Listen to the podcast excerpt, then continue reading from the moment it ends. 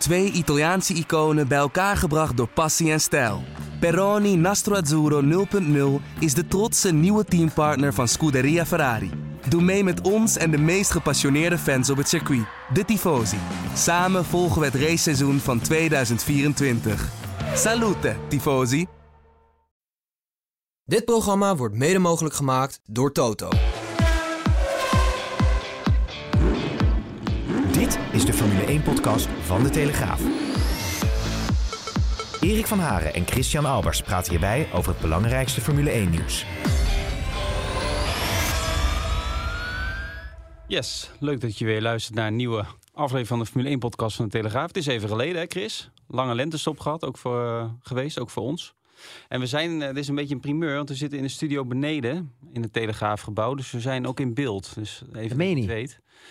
Ik weet niet of het ja, een heel handig idee is, want ik heb de hele nacht. Uh, ik zag al gelijk dat je heel chic ging zitten zo. Ja, maar goed. Christian. Christian. Ja, Christian Albers. ja, ik, heb, uh, ik ben vannacht via Turkije uh, doorgevlogen, weer lekker vertraging ja, gehad. Heb dus, Erdogan even een handje geschud? Nee, die heb ik niet gezien gelukkig. Nee, maar Turkish Airlines is niet mijn favoriete maatschappij, laat ik het daarop houden. Altijd vertraging. Hoezo? Ja, ja, wat ik zeg. Ik zou om half drie vannacht vliegen. Het werd, Kevin Costner die vliegt altijd mee, toch? Zie je al in de reclame. Heb je er nooit gezien? Nee, ik zie altijd Champions League reclames. Van de bodyguard. Met Whitney Houston. Nou. uh, ben jij ook een musical liefhebber trouwens? Als we het over bodyguard en Whitney Houston hebben. Jij nee. lijkt me als een type. Nee. Nee? Met je vrouw? Met je meezingen? Nee. Nee. Ik zing wel eens mee, maar dat zijn andere. Dat is een andere, dat zijn andere nummers. Ja. Nou, we hebben een, toch wel een enerverend weekend achter de rug in Baku. Laten we eens even beginnen. Het was natuurlijk een, een, een, sowieso een historisch weekend omdat we een heel nieuw sprintformat hadden. De eerste van zes van dit jaar. Wat vond je ervan? Ja, ik vind het een geweldige setup. En een nieuw format. Dan begin ik gelijk weer te hoesten. Wat is dat nou? Dat is de Is thee hier zo op is de de... druk van de camera die erop komt. Is dat zo? Ja. Ik ben een beetje Bij. Viaplay er ook last van, of niet? Eh, ja, heel veel eigenlijk, stiekem. Ben ik heel nerveus altijd. Ja, maar eh, jij vindt het... een- een- Nee. Ik zal zo mijn mening geven, maar... Ja, ik vind het geweldig. En het komt omdat ehm, je merkt gewoon dat bepaalde teams, zoals bijvoorbeeld Red Bull, eh, natuurlijk zo'n voorsprong eh, heeft op de rest van het veld. ehm, dat het bijna niet meer leuk is voor ook de kijker. Ehm, begrijp dat het frustrerend is voor zo'n team. Maar je zorgt eigenlijk voor dat je een beetje een soort paniekstand krijgt. Je hebt maar één training en dan gelijk naar een qualifying. Dus het is heel moeilijk om een auto, een setup te vinden. En ik denk dat je daardoor echt ook vergroot de kans van de mindere teams om een kans te hebben of een kans te grijpen op, de, op een punt. En een Ja. punt levert gewoon in de Formule 1 heel veel geld op. Waardoor je dus extra budget kan krijgen en extra geld om, eh, om eh, ja, zeg maar weer eh, door te ontwikkelen.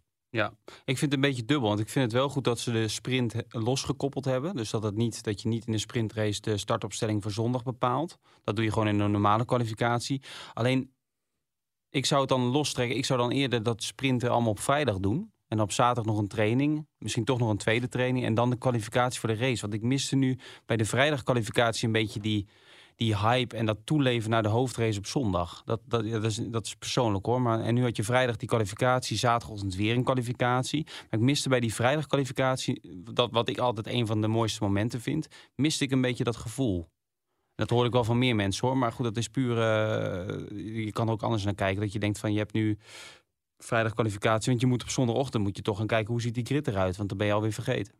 Ja, daar heb je ook wel een punt. Aan de andere kant, het is natuurlijk ook een nieuw format. Je je moet er ook aan wennen. Dat, is, dat klopt ook. En ik denk als, als het een paar keer doorgevoerd wordt, dat je op een vrijdag wel dat gevoel gaat krijgen. Wat ik wel leuk vind, is dat echt gewoon puur zang echt leuk wordt voor de fans. Die hebben nu een mogelijkheid om een kaartje te kopen die normaliter op vrijdag niet zo duur is als op zaterdag en zondag. En als cadeau krijgt nu in één keer een, een kwalificatie. En Ja. dat vind ik wel leuk. Dus je, je, je trekt zo'n weekend eigenlijk. je- Er komt in zo'n weekend meer sensatie. Meer dat het er echt om draait. Ja, alleen het verhaal, eh, dat is denk ik meer voor de televisie kijken. Want de, ja, de mensen die een kaartje kopen daar. ehm, vrijdag zaten de, het was uitverkocht, zeiden ze, maar op vrijdag waren de tribunes vrij leeg. En dan merk je dat de locals, dus de mensen in Azerbeidzjan, die boeit het niet eens zozeer dat de Formule 1 er is. Maar die zijn er meer voor het entertainment, de concert. Er waren wat Nederlandse DJ's. En, dus dat hoort er ook allemaal bij.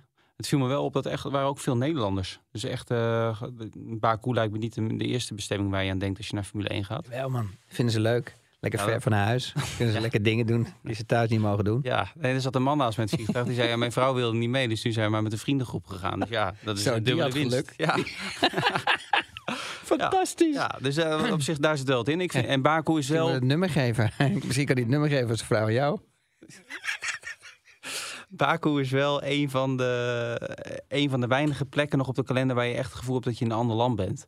Je ziet bijna alleen maar mannen op straat. De een nog lelijker dan de ander. Ze kijken allemaal heel nors. Dus jij was echt gewoon... ik eh, was, nou, zelfs ik viel op... eh, Jij was gewoon een vlam. ja, Jij was gewoon normaal. echt gewoon... eh, normaal. Maar het is een heel apart land. Mensen spreken bijna geen Engels.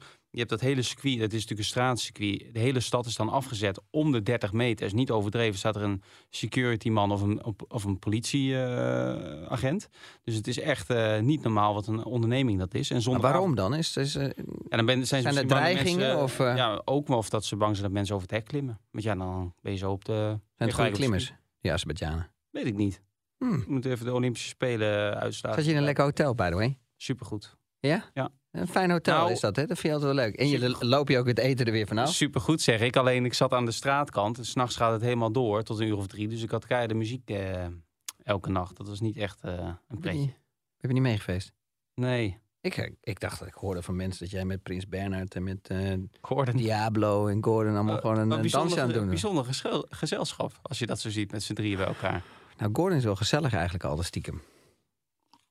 Heel veel mensen Ja, ik hebben een haat- en liefde Ik weet niet of Gordon nog zo heeft, eh, heeft op de Telegraaf eh, na de laatste Ja, nou ja, wat maakt het uit? Maar hij is wel echt, je kan wel echt heel erg lachen met hem. Dat zou wel. Jij kent Eerlijk is eerlijk.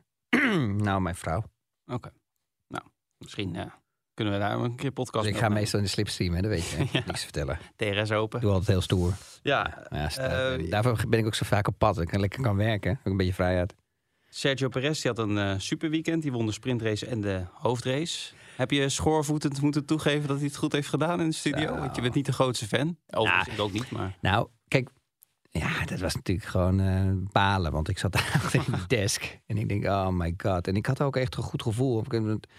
Normaal heeft Max gewoon echt eh, altijd de bovenhand. Maar dit zijn van die circuits. En dat zei ik ook al op vrijdag. Dit zijn van die circuits waar gewoon ehm, weinig techniek bij komt spelen. Weet je wel, meer een beetje recht toe, recht aan. Weet je wel, wie heeft de grootste ballen die zo laat mogelijk in de remmen, in de ankers eh, vliegt. Goed accelereren.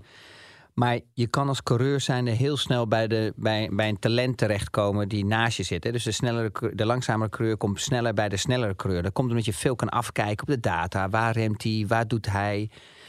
En dan heb je natuurlijk ook één uitzondering. Dat was Leclerc. Leclerc, dat is gewoon zijn baan. Het, het, is, het is een kwalificatiebeest. De auto zorgt er ook nog eens een keer voor... voor dat kleine beetje extra... dat ze snel die bandentemperatuur eh, eh, kunnen genereren.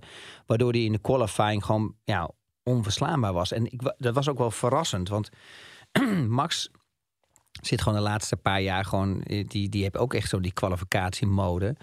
Dus ik was wel een beetje verrast dat Leclerc zo sterk zou zijn... En ehm, ja, kijk, en dan krijg je een beetje die hype natuurlijk van, ehm van Perez. Maar dan zie je maar weer dat als eh, Max het niet voor elkaar heeft, zijn dag niet heeft, of bijvoorbeeld hè, de auto eh, een, een redelijke afstelling heeft, maar niet zijn afstelling die die, die, die wou. Ehm, en Perez eh, een van zijn beste dagen heeft in een seizoen, dat hij competitief kan zijn. En dan kan in één keer, ja, in één keer die positie omgewisseld worden. Ja, Maar dan krijg je weer precies, ja, Erik, ja, wij hebben het er met z'n twee ook over gehad. Ja, wat krijg je dan? nou, Nou ja, Ja, dan ja. krijg je natuurlijk gewoon natuurlijk het, eh, dat hij weer voor, voor het kampioenschap gaat. Ehm, Ja, dat, Eh, dat, dat dat is- is, kijk, eh, ik snap wel dat ze hem de king of the streets noemen. Want hij is in Baku wel succesvol. Alleen vorig jaar werd hij natuurlijk gewoon om zijn oren gereden door Verstappen. Op hetzelfde circuit. en dit en het jaar daarvoor in principe ook. Alleen Ja. won hij door die klapband Ja. Verstappen. En omdat Hamilton met die herstart nog echt doorschoot. Dus ehm, dat is een beetje overdreven. Alleen het is wel een feit dat hij alle races, die, bijna alle races wint op een straatcircuit. Alleen meestal met veel geluk. Om, of nou, in ieder geval dat Verstappen het niet heeft. Alleen nu had Verstappen misschien iets pech. En met zijn eh, afstelling inderdaad, de balans van de auto zat hij een beetje te, te rommelen. Hè? In, misschien al in de laatste tien rondes niet meer. Eh, maar Perez was toch gewoon, eh, ook gewoon heel snel. Ja, en eerder dat eerder toekomt. Ehm, hij was gewoon constant. Hij, daardoor werd hij automatisch ook competitief. En hij reed eh, op een gegeven moment n- na de pitstop... eh, ja, drama voor Max natuurlijk. Want het was gewoon...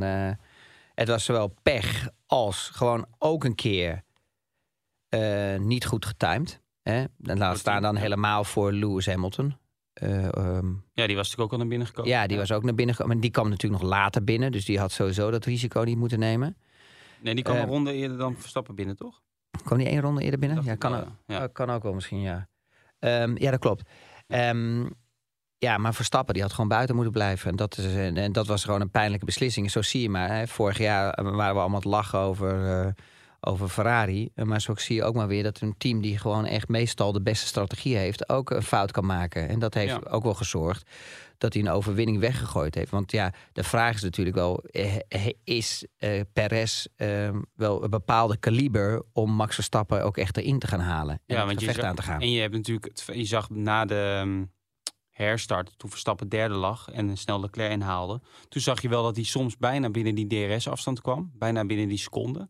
En op een gegeven moment liep het op. Maar hij zei, als je zo lang kort achter een auto zit... dan vraag je gewoon veel van je banden. Dus in leidende positie heb je dat misschien... of nou, niet misschien heb je dat minder. Dus ja. je weet, het is heel makkelijk om te zeggen... Um, Perez had Verstappen, wel sneller had Verstappen dan ook wel ingehaald. Dat weet je gewoon niet. Nee. En dat is ook een probleem ook gewoon op, op dit moment is met, met Formule 1. Is dat die, die, die mannen kunnen allemaal niet meer voluit racen. Het is heel veel bandenmanagement, heel veel zorgen dat je de juiste constante tijden rijdt die, uh, die ze vanaf de pitmuur uh, graag zien.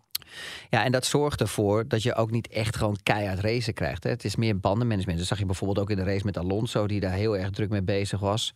Ja, aan het uh, eind ook nog kon pushen. Ja, aan het eind ook nog gewoon echt serieuze rondetijd ja. uit kon uh, drukken. Maar ja, uh, precies wat je zegt. Hij reed achter Leclerc. Weet je, en al is het maar een halve ronde, al is het maar een ronde. Um, je hebt gewoon, je krijgt op een gegeven moment gewoon minder downforce. Want de auto voor je die haalt gewoon de, ja, de, de schone lucht weg. En dan, dan komt in principe wordt de auto lichter als het ware. Ja, dan ga je meer glijden over de banden. Dan krijg je ja. sneller een hogere temperatuur. En als je dat in het begin van de race doet, dan is het natuurlijk harder voor de banden dan aan het einde. Ja. Zo simpel is het. Ja, en even terug naar die pitstop van Red Bull. Ja, ik snapte de uitleg van uh, Horner uh, niet helemaal. Ja, misschien is het een beetje van uh, ten alle tijde je eigen team verdedigen. Hij zei op dat moment, we zagen maar een schim van de beelden van de Vries. Die was stilgevallen. En op dat moment dachten we nog dat hij door zou gaan rijden. Dat hij nog in achteruit zou gaan. Alleen als je dat linker voorwiel zag, ook al was het maar een split second, was het ja. toch vrij duidelijk. En dan neem je toch een heel groot risico door wel naar binnen te gaan. Want daar zat nog wel 20, 25 seconden tussen. En natuurlijk, hij kan zeggen, ja, toen de Vries uh, kreeg uh, van zijn engineer de, de boodschap kreeg, uh, retire de car. Toen reed Verstappen de pitstraat in. Dus dan is het te laat. Alleen, ze hadden dat daarvoor echt wel kunnen weten. En dat dat zei Verstappen eigenlijk na afloop ook al. Die snapte dat ook niet. Want die had wel op de schermen gezien dat de Vries was stilgevallen. Of in ieder geval een auto. Alleen ja, je verwacht dan toch dat je team... Ja, je hebt natuurlijk al die mensen aan de pitmuur. Maar ook nog al die mensen terug in, uh, in Engeland in de fabriek. Die dat toch moeten zien. Die houden alles in de gaten. Ja, en zeker daar bocht 5 en 6. Daar heb je dus helemaal... Ja, die barrières die staan daar zo dichtbij. Dus die auto, als die daar stil komt te staan... die kan je niet ja. even zomaar weghalen. Dus dat duurt oh. eventjes tijd. En dat hebben we gezien. Um, maar het probleem is... Het is natuurlijk altijd makkelijk uh, achteraf analyseren. Maar er zijn natuurlijk meerdere opties. Hè? Kijk, uh, als hij door had gereden en het veld daarachter... en je ziet dat een safety car komt, moet je natuurlijk wel gaan liften. Hè? En, dan moet je, en dan gaat de safety car op je wachten. Dus je kan nooit meer volle snelheid rijden. Je moet, je moet rustiger aangerijden, omdat die safety car eruit is. Dus dan hebben de anderen natuurlijk een snellere pitstop... En, en winnen daar veel meer tijd mee. Dus het is altijd die momentopname. Maar in ieder geval, één ding staat vast... is dat hij daar eigenlijk zijn leidende positie verloren is. Ja. Zo simpel is het. Ja. Ik heb wat vragen over Perez ook. Uh, Fred die vraagt, uh, mensen blijven zeggen dat Perez zo goed is op straatcircuits, wat zeker niet onwaar is. Maar vorig jaar was hij kansloos tegen Max in Baku en Miami. Is het niet waarschijnlijk dat de sprintweekenden gewoon te weinig tijd geven aan Max om zijn auto ideaal af te stellen? Nou, ik denk niet dat Max daar heel veel last van heeft. Eerlijk gezegd, want ik zie Max nog steeds niet als een werktalent, maar echt als een natuurtalent. En de combinatie van um, al zijn ervaring om de auto nog eens een keer te fine-tunen, dat maakt hem nogmaals een keer ja, in zo'n weekend uh, ja, mega snel. Maar ik zie daar niet echt een probleem in. Maar je kan die pech hebben. Ja, dat, kan. Misschien dat hij die, die tijd gewoon net niet genoeg had. Uh, het, ligt allemaal aan de basis setup als je komt. Als daar te veel onderstuur in, in zit en, en dat de auto niet pointy genoeg is Hè, zoals Leclerc fijn vindt, zoals Max fijn vindt. Een beetje Norris, weet je. Dat zijn allemaal de nieuwe type coureurs die mm. die nieuwe uh, rijdersstijl hebben. Ja, dan kan ik me voorstellen dat, uh, dat hij er te weinig tijd heeft gehad om zijn auto competitief te maken. Maar zo zie je hoe dichtbij het kan zijn. Maar het is ook het karakteriek van het circuit. Hè. Het circuit is niet heel erg eh, technisch. En dat zorgt ervoor dat eh, Perez competitiever kan zijn als dat hij normaliter is bij andere circuits. Ja, daarom vond ik ook uh, Verstappen's reactie in de afloop wel goed. Dat hij eigenlijk zei, ik heb al vaker in dit, in dit uh, schuitje gezeten. Je moet constant presteren. En eigenlijk doet Perez dat natuurlijk veel minder. En dat, dat, ze, dat vul ik zelf even aan. Uh, maar het wordt natuurlijk interessant te zien op de circuits met veel snelle bochten. En oldschool circuits zoals Imola, echte rijdencircuits. Ik denk dat daar, tenminste dat is mijn inschatting... dat Verstappen daar toch normaal gesproken de, de bovenhand zou hebben. Ja, ja 100%. Ja. Dus daarom maakt hij zich ook niet zorgen. En zelfs als hij volgende week in Miami, kan natuurlijk altijd iets gebeuren. En Perez neemt de leiding over in de WK-stand. Dan ga je natuurlijk echt die hype krijgen van Perez is de grote uitdager en uh, kan Verstappen verslaan. Alleen denk, er zijn nog 19 races te gaan. En ik denk op de lange termijn, of er moet iets heel geks gebeuren... dat je, net zoals Hamilton had in 2016 met Rosberg... dat je heel veel pech hebt. Ja, maar, maar dat is gevaarlijk ook. Ja. Dat is het gevaarlijke. Kijk, op een gegeven moment als Perez er goed bij blijft... en je hebt een paar keer een motorprobleem... of iemand rijdt bij je erin bij de start, hè, bij de eerste bocht... Uh, en je hebt een qualifying die niet zo goed is verlopen... ja, dan kan het gevaarlijk worden. En dat hebben we gezien, ja... Nico Rosberg en Lewis Hamilton. En Lewis Hamilton toen... slaapt er nog steeds nachts niet van. En Rosberg kreeg natuurlijk ook steeds meer toen het gevoel van... hé, hey, ik kan het uh, doen. En die werd ook steeds harder. Ja. En dat ja, met eigenlijk Barcelona 2016... Uh, hè, de historische zegen van Verstappen... als een van de grote hoogtepunten of dieptepunten, hoe je het ja. wil zien. Even terug naar zaterdag. Dan kwam weer een beetje de Mercedes Red Bull... het oude gevecht een beetje terug. Maar niet Verstappen Hamilton, maar Verstappen Russell. Ja. Hoe heb je daarnaar gekeken? Ja, ik vond gewoon een race, race incident een beetje mixed feelings um, van Max. Ja, als ik Max was geweest, had ik het lekker laten gaan. Want er zijn ook situaties geweest in de jaren daarvoor... Daar, waar Max echt gewoon keihard was. Um, aan de andere kant begrijp ik het ook. Weet je, zijn hele race is weggegooid. Um, je zit nou eenmaal met het gewicht van die auto's. Dus je maakt het materiaal steeds dunner. Je wilt zoveel mogelijk gewicht besparen. Je wilt de ballast ergens anders in de auto hebben... waar het beste functioneert. waar de auto het snelste is.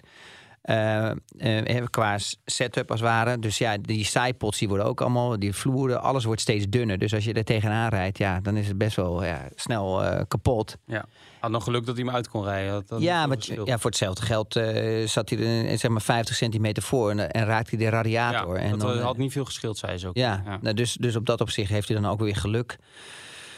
Weet je, het was een beetje mixed feelings van Max dit weekend. Wat, wat mij op, opmerkte was dat je merkt dat hij wat rustiger is geworden dan de jaren daarvoor. De jaren daarvoor had hij natuurlijk ook, eh, niet vorig jaar, maar het jaar daarvoor met, met die, met die ja, gigantische mooie strijd met uh, Lewis Hamilton. Merkte je dat hij niet de auto ervoor had en dat hij er echt voor ging voor het gaatje. Het is het gevecht, weet je, elke bocht pakte hij, elke centimeter die hij kon pakken, pakte hij buitenom, binnendoor, overal.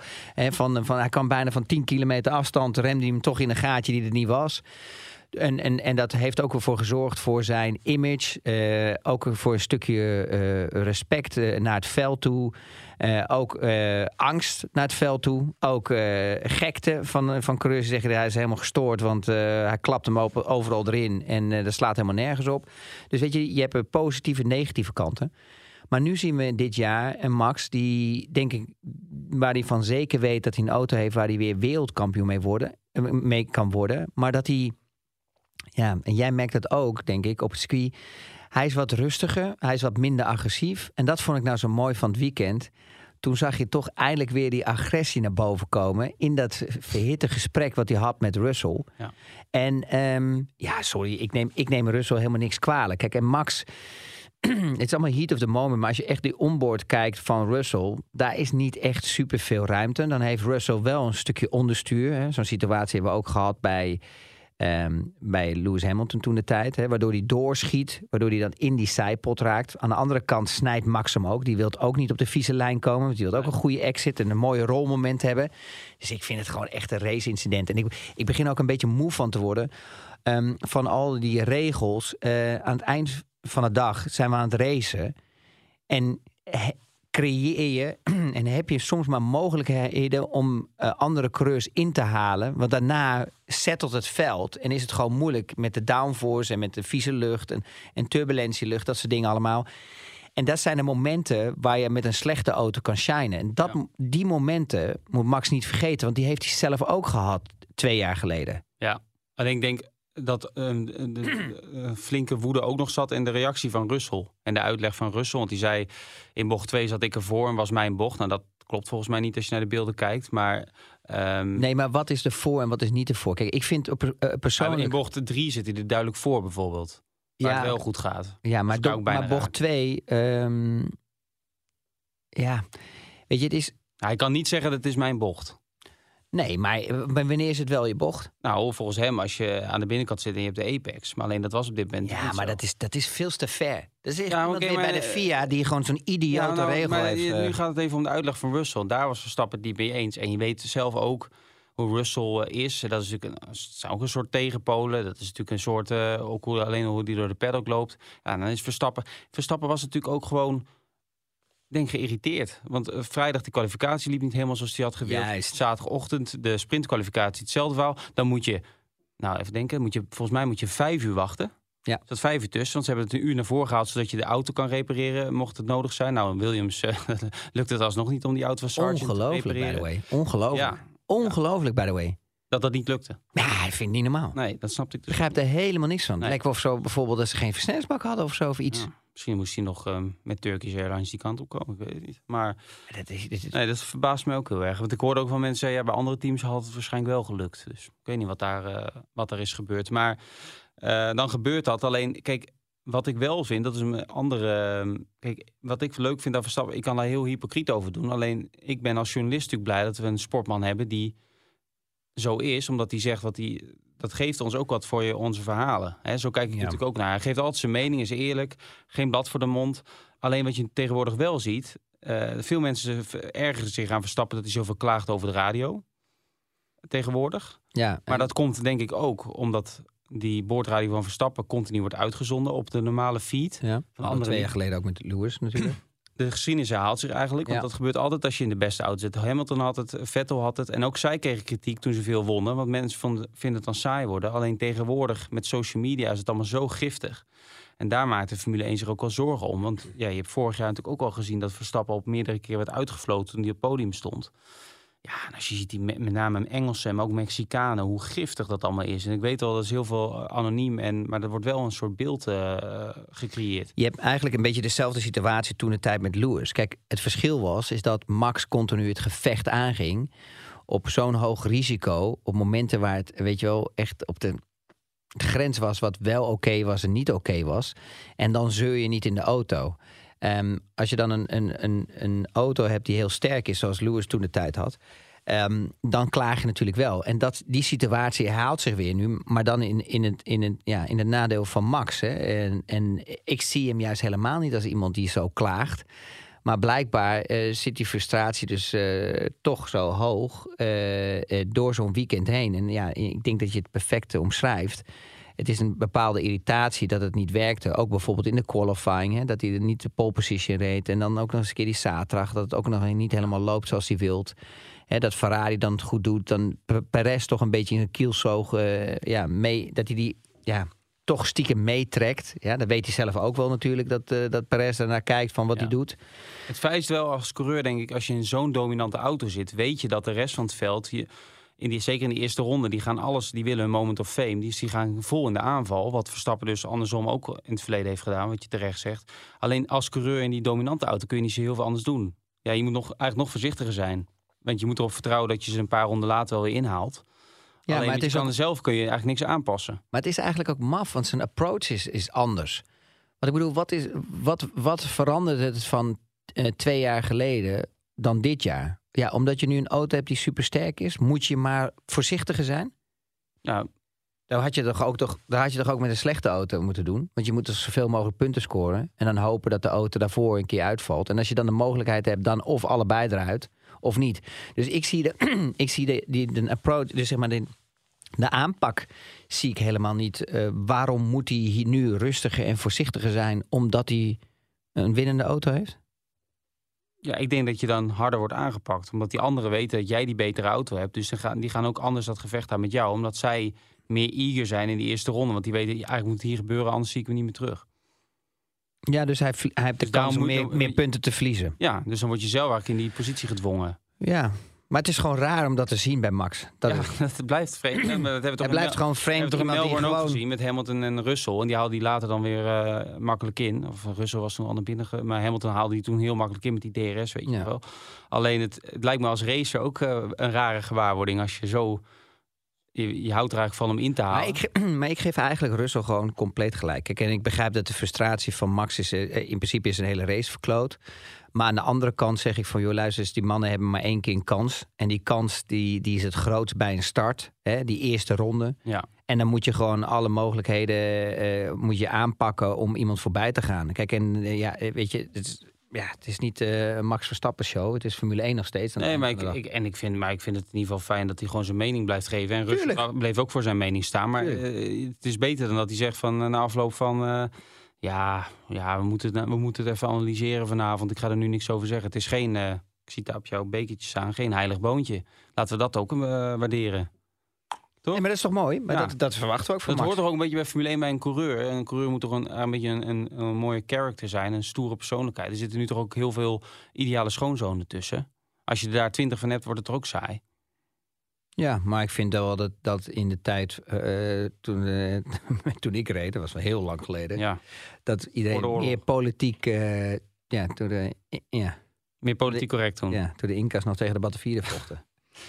Maar toen Eh, was meer. Toen was, jullie ja, maar jullie waren allemaal bang dat, eh, dat je met contracten dat je niks mocht zeggen in de media en zo. Ja, maar dat was Maar zo. Bull- maar er was veel meer controle. Maar, dat maar de Red controle- Bull is natuurlijk een ander soort team. Ja, maar de coureurs hebben veel meer ehm, eh, mogelijkheid om zich uit te spreken. En het is veel soepeler geworden en veel, veel relaxter geworden als dat het, dat het eh, ja, 15 jaar geleden was. Daar zit echt wel een groot verschil in. Maar in ieder geval, we hebben iemand die heel uitgesproken is. Dat is Max Verstappen en hij is heel erg snel. Maar ik vond het ook een mooie actie van eh, Russell. Gewoon een mooi gevecht met de start, why not? We kregen ook nog wel heel wat vragen over die andere Nederlander. Niet te vergeten, Nick de Vries. Ehm, want die krijgt nu toch vragen. Krijgt zoveel op Twitter eigenlijk dit weekend eigenlijk de, de gemene delen van onder andere Jeroen van Hooydonk en Anton Wouters is. ehm, Wie is Jeroen van Hooijdonk? ja, dat weet ik niet. Een volger op Twitter. Hoezo? Ken je die? Nee, nee, nee, oké, oh, sorry. Oh, Die is gewoon komen... een na- naam die ik noem. Ah ja, oké. Oh, maar die zei die is opzet tegen- van de podcast. Dat vragenstellers. Ja. En dan noem ik de naam ook. Je weet dat ik chaotisch ben, maar die, Ja. die reageren op jou. Of die vragen, die stellen een En die vraag. stellen een vraag voor Ah, oké, sorry, sorry, Maar ik kreeg in door het weekend 1 ook wel reacties op Ja. Nick de Vries. Dat mensen zich toch een beetje zorgen maken van... gaat hij die negatieve spiraal nog doorbreken? Hoe dan? En hoe lang krijgt hij nog de kans? Want die zeggen- denken toch van... nou, dit soort weekenden moet je niet te vaak hebben. Nou, weet je, ik vind dit namelijk altijd zo moeilijk om hierover te praten. Omdat, ehm, weet je, bij ons wordt alles eruit geknipt en overal stukjes geschreven op internetwebsites. Dat soort dingen en allemaal koppen erboven. Dus weet je, ze, ze pakken nooit het hele verhaal. Altijd alleen als je bijvoorbeeld twee dingen negatieve zegt, dan eh, pakken ze dat en niet meer wat, wat je... Ja, maar dat is dus ook wat met Verstappen en zo gebeurt. Met die hele social media, wat, waar ik het over had. Ja, ja nou, daar, daar hebben wij ook last van. Maar nou komt hij. Kijk, het probleem is eigenlijk gewoon is dat hij heeft nu wat pech. Ehm, ik denk dat hij te vroeg gepiekt heeft in het, in, eh, eh, op de vrijdag, hè, zesde positie. Eh, dan is op een gegeven moment een soort vertrouwen gekomen of een beetje overconfidence. En ehm, toen is het in de qualifying fout gegaan. Ja, en, en daarna is het eigenlijk is, het, is die lijn gewoon ja, gigantisch hard naar beneden gegaan. En heeft hij gewoon echt een slecht weekend gehad. En dat is als coureur zijn gewoon een drama. Dus ja, weet je, ik voel ook wel met hem mee. En weet je wat het probleem is ook nog een keer? En, en dat is voor de luisteraars eh, misschien ook wel interessant om te horen. Is dat Tsunoda is gewoon naar huis gegaan met een punt weer.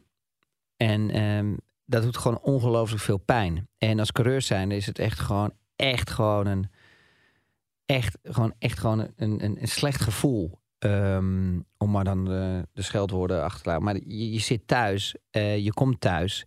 En het duurt te lang voordat een nieuw weekend weer gaat beginnen. Om die negatieve spirit, en negatieve ervaring, zeg maar. eh, dat die weer weg eh, gaat. Weet je wel, het duurt te lang. Je wilt zo snel mogelijk weer naar een race toe. Nou ja, Om een goed resultaat-.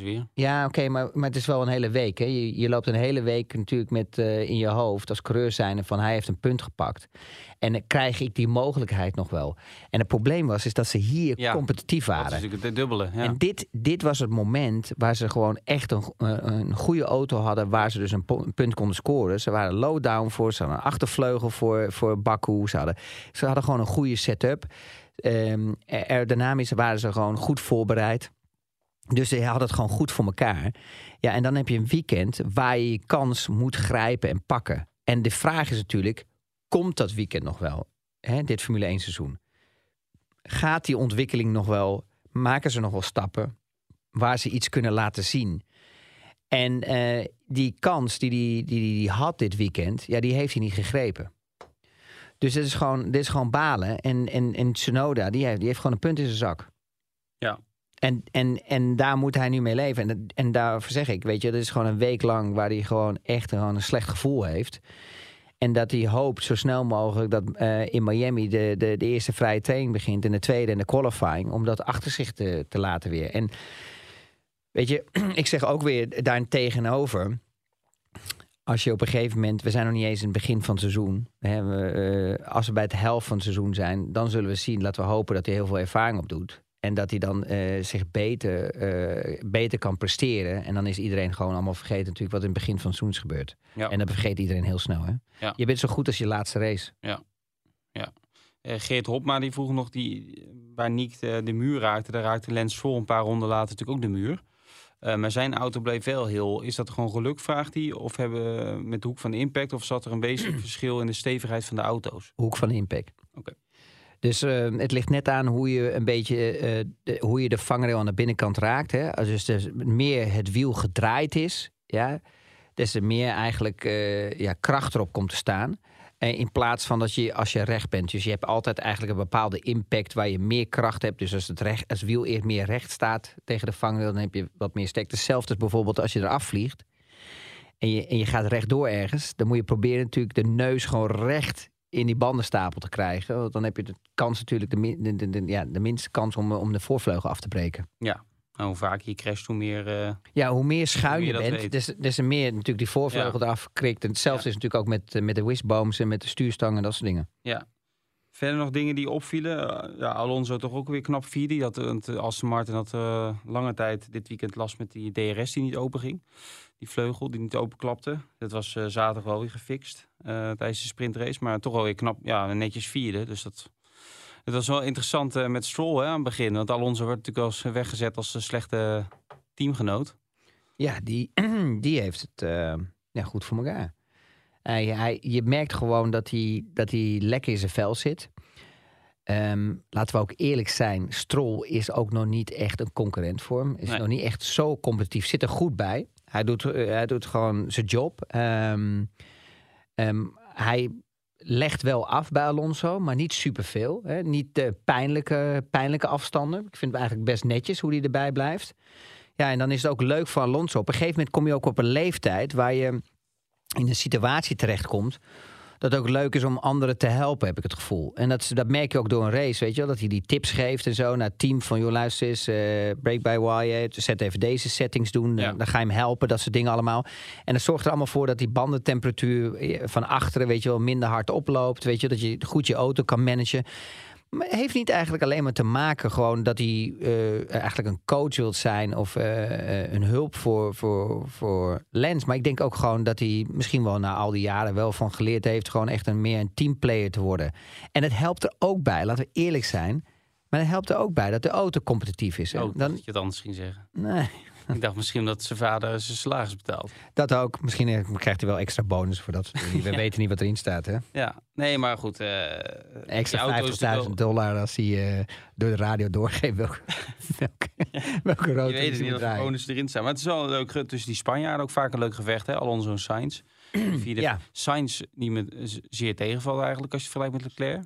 Ja, dat is zo maf, hè? Wij, eh, wij hadden het er laatst over. We hadden al die analisten in Nederland. Ja, we Die zeiden echt dat, eh grootste ging vlammen en zo. worden. Ja, maar ho, ho, we moeten oppassen, Erik. Want eh, we zijn nog maar net begonnen het seizoen. Misschien krijgt hij in één keer weer Ja. een opvliegen halverwege. Maar Ja. kijk, laten we eerlijk zijn. Als je het talenten naast elkaar legt, dan is, dan is Leclerc heeft natuurlijk wel de bovenhand. Ja, bovenhand, ja, die is, wel, die is wel gewoon echt een stuk sneller. Het is wel leuk bij Ferrari dat politieke spel. Dan had Vasseur had donderdag gezegd min of meer dat Ferrari eh, een team bouwt rondom Leclerc. Ja. Dus zo was het uit verband gerukt. En dan vraagt dus iemand van Ferrari, het hoofd PR van Ferrari, die vraagt dan aan een Spaanse journalist Of die vrijdag, want Van zat vrijdag in de VIA persconferentie. Of die dan even kan vragen aan Van wat hij daarmee bedoelde. Want en toen kon Van Zeur zeggen, ja, goede vraag. Want zo had ik het niet bedoeld. We bouwen ook een team om Carlos. Ja, ah, jullie helpen elkaar ook allemaal een beetje. Why not? Nou ja, ik, ik zou dat ding niet zo snel doen. Maar het is wel grappig hoe dat, hoe dat, hoe dat werkt. Toch? Oh, oh, oh, oh. Wat? Ik zou dat niet zo snel doen. Nou ja, goed. Voor wat hoort dat? Zo werkt het soms ook. Hè? Ja, bedoel soms Zie je nou? Kijk, daar komt hij al. ja, maar Red Bull heeft gaat open. Uh, je, je, ziet ook in 2021 uh, eh, ook een Mercedes en Red Bull. Die weten natuurlijk wel de journalisten te vinden. Die, uh, zo werkt het in elke tak van sport. Of je nou een politiek verslaggever bent of niet. Dan kun je zeggen, je laat je voor het karretje spannen. Maar dat doe je eigenlijk altijd als journalist. Maar in ruil daarvoor krijg je wel een goed verhaal vaak. Ja. Wat scoort en wat goed wordt gelezen en waar mensen het over hebben. Daar gaat het natuurlijk uiteindelijk om. Ja. Als je maar feitelijk correct blijft en, en beide kanten van een verhaal blijft verlichten. Zoals ook nu met Russell. Hè, dat je ook Russell aan het woord laat en Max. En nu, ik had een interview met Toto Wolf. Ja, die kan ook, uh, die liet ik er zaterdag ook weer op reageren. Die trouwens heel goed reageerde op dat Russell-Verstappen incident. Dus uh, ja, heel relaxed die gewoon. ook niet gewoon verder ophitst. Die beide kanten ook gewoon begrijpt. Dat doet hij ook gewoon heel slim. Maar doen ze heel eigenlijk, mm, vond het eigenlijk ook twee jaar geleden vond ik het ook al oké hoe ze reageerden. Ja, het was een beetje Horner die een beetje de boel... Ja, totaal op het eind ook wel hoor. Bij Mercedes waren ze aan het eind ook wel heel erg bezig. Maar je merkt wel bij heel veel mensen, ook bij GP, uh, eh, jouw oude collega, dat Mercedes nog steeds wel echt een soort... Uh, ja, blinde vlek is. Want je, uh, GP zegt zo, zulke dingen normaal ook niet op de radio. Toen Max Russell inhaalde van... Um, oh ja, je hebt heel goed gedaan, dit keer zonder schade. Dat wilde hij toch even als extra push nog even doorgeven. Maar, je, maar weet je, het is, je bent met z'n tweeën zo verbonden... Dat is ongelooflijk. Dat is gewoon eigenlijk een mama met een kind in de buik. Weet je, als je, je, je bent zo'n gevecht heb je met elkaar. Ja. En je, je hebt zo'n connectie met elkaar. En, en, en ook nog daarbij, laten we ervoor opstellen. Wat we niet moeten vergeten, ook met Max, is natuurlijk dat je ook nog eens een keer die adrenaline in je lichaam pompt, weet je wel. Waardoor je ook dingen zegt waar als je later, als je uitstapt, dat je denkt van, ja, weet je wel, dat is anders. Daarom vind ik het een beetje... Uh, Hamilton heeft Verstappen ook als een dickhead genoemd. En nu zei Max dickhead tegen Russell. Alleen dat is dus direct na, na een race, in dit geval net je helm af. Kijk, voetballers die staan de hele wedstrijd tegenover elkaar te bekvechten. Alleen ja, er staat geen microfoon bij. Wij ook. Wij ook. Op WhatsApp calls. Ja, ja in de uitzending is best wel netjes. Maar ja. daarbuiten, maar dat zo, zo werkt het toch altijd. Alleen ja, daar wordt niet uitgezonden gelukkig. 100%. Anders zou hij niet meer zitten. Kom, we gaan even over de race nog hebben. Wat wil je nou nog hebben? Wat wil je nou nog bespreken? Hey, ik dacht dat jij nog allemaal vragen had en zo. Je, bent goed, je hebt een hele laptop daar zo voor je liggen. Dus ga je me nou vertellen dat je geen andere vraag meer hebt?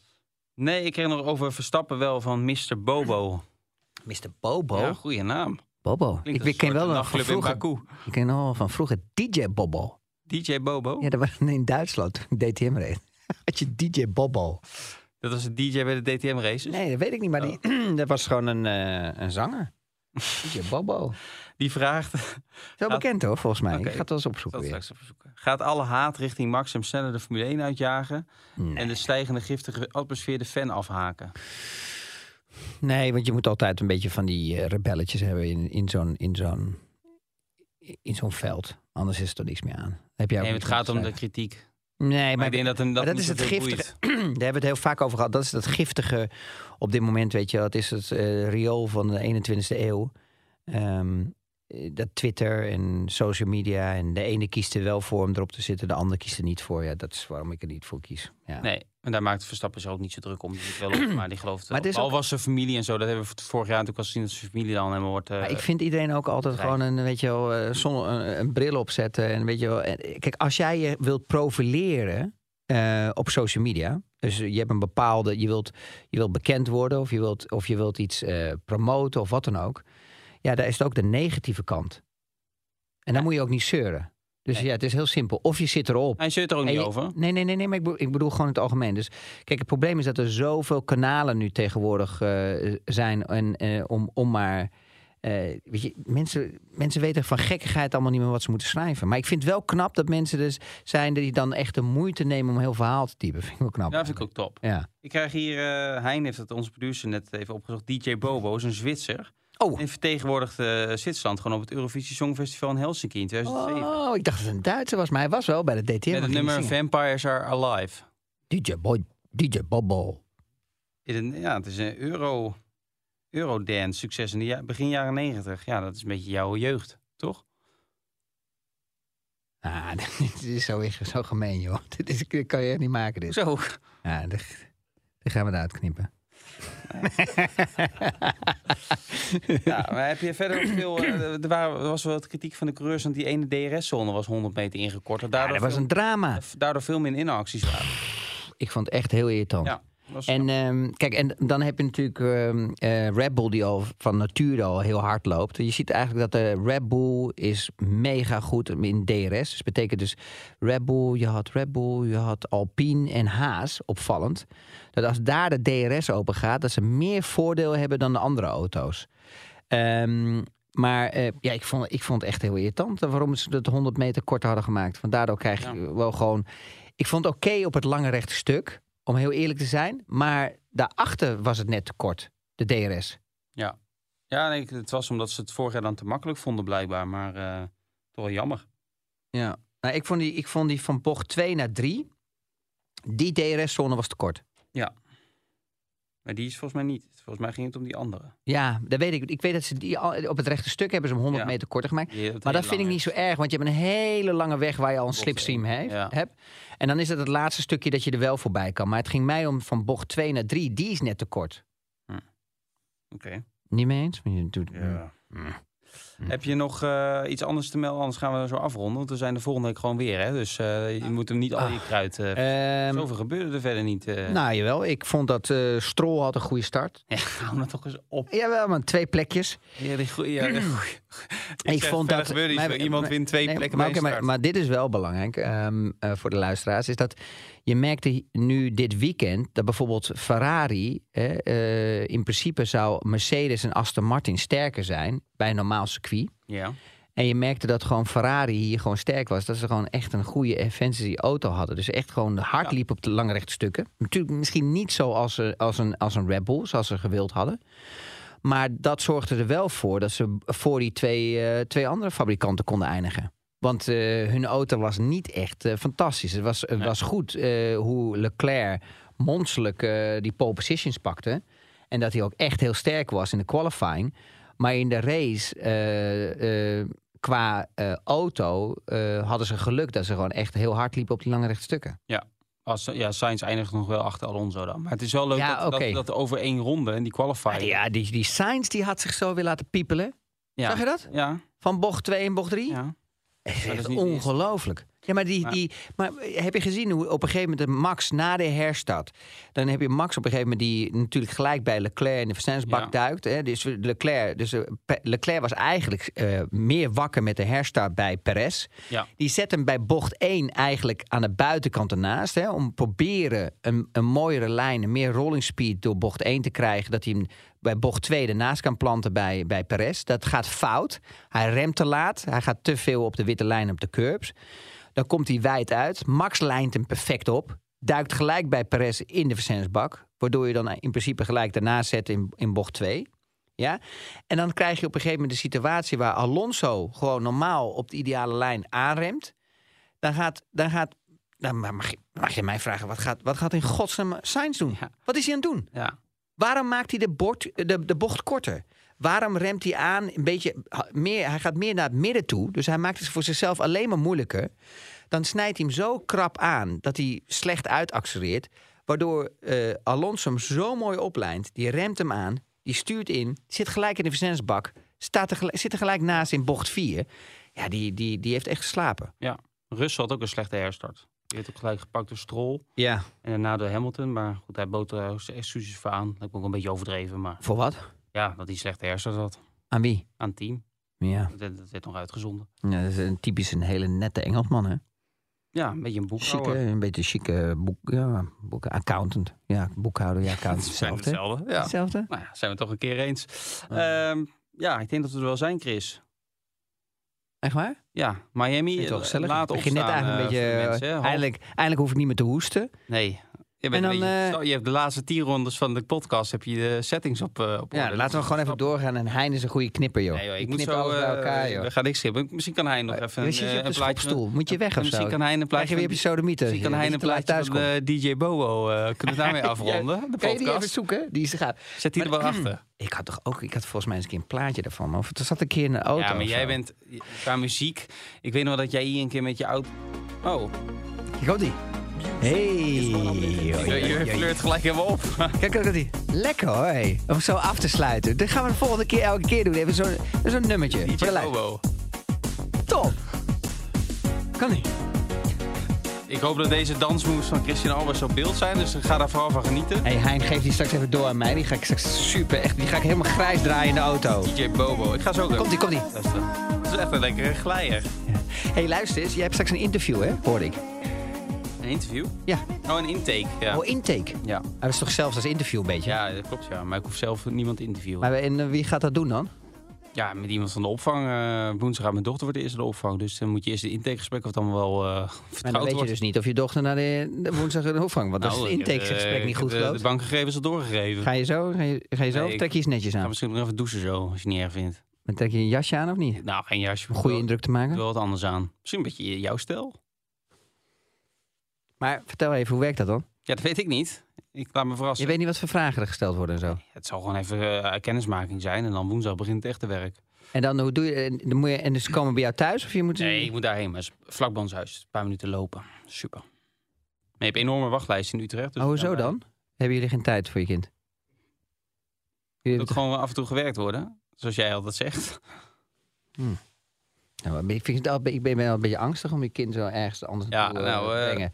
Het is het dierbaarste wat je hebt. Ja, ga toch eens op zeg. Ja. Je bent zelf nooit thuis. Ik heb wel eens van die krantenartikels gelezen en zo. Dat Ja. bij dat soort huizen hele rare dingen gebeuren. Ja, dat is goed.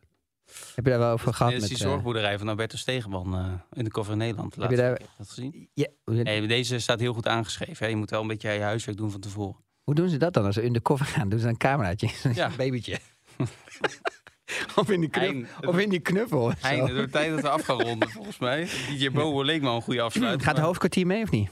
Ja, tuurlijk. Met z'n drieën gaan we. Hè. Oh. Gezellig. Maken we er een uitje van. Leuk. En dan morgen ben ik de hele dag met eh, de dochter. En dan eh, de komende nacht slaap ik op de bank. Want dan kan mijn vriendin eh, goed doorslapen. En dan woensdag ga ik Nee. naar Miami. Slaap je echt op de bank? Nee, Ja, dat is mijn eigen aanbod hoor. Niet dat ik daar Nee. word verwezen. dat meen je niet. Ja, serieus. Goed, bedankt voor het luisteren. Ook sorry voor, de, la- voor allemaal. de wat We lange hebben het wel heel, afsluiting. had- eh, heel lang gehad over Max en zo, hè? Maar niet echt veel over de race. Denk je dat mensen, waar denk je dat mensen meer geïnteresseerd in zijn? Laat dat vooral even weten of je dat, eh, of je dat gemist hebt of niet. Maar ik denk dat dit wel een beetje het topic van het weekend was. Dus Ja. daar heb ik weer gelijk in, hoor ik je denken. Maar niet uitspreken. Oké, Dankjewel. Chris, dankjewel. Leuk dat je er was. En we zijn er volgende week maandag weer dan naar de Grand Prix van Miami. Dankjewel aan alle luisteraars en onze topper daar, hè? Hein. Ja, hij bedankt hè. Dank je. Oké, tot volgende week. Tot volgende week. Dit programma werd mede mogelijk gemaakt door Toto.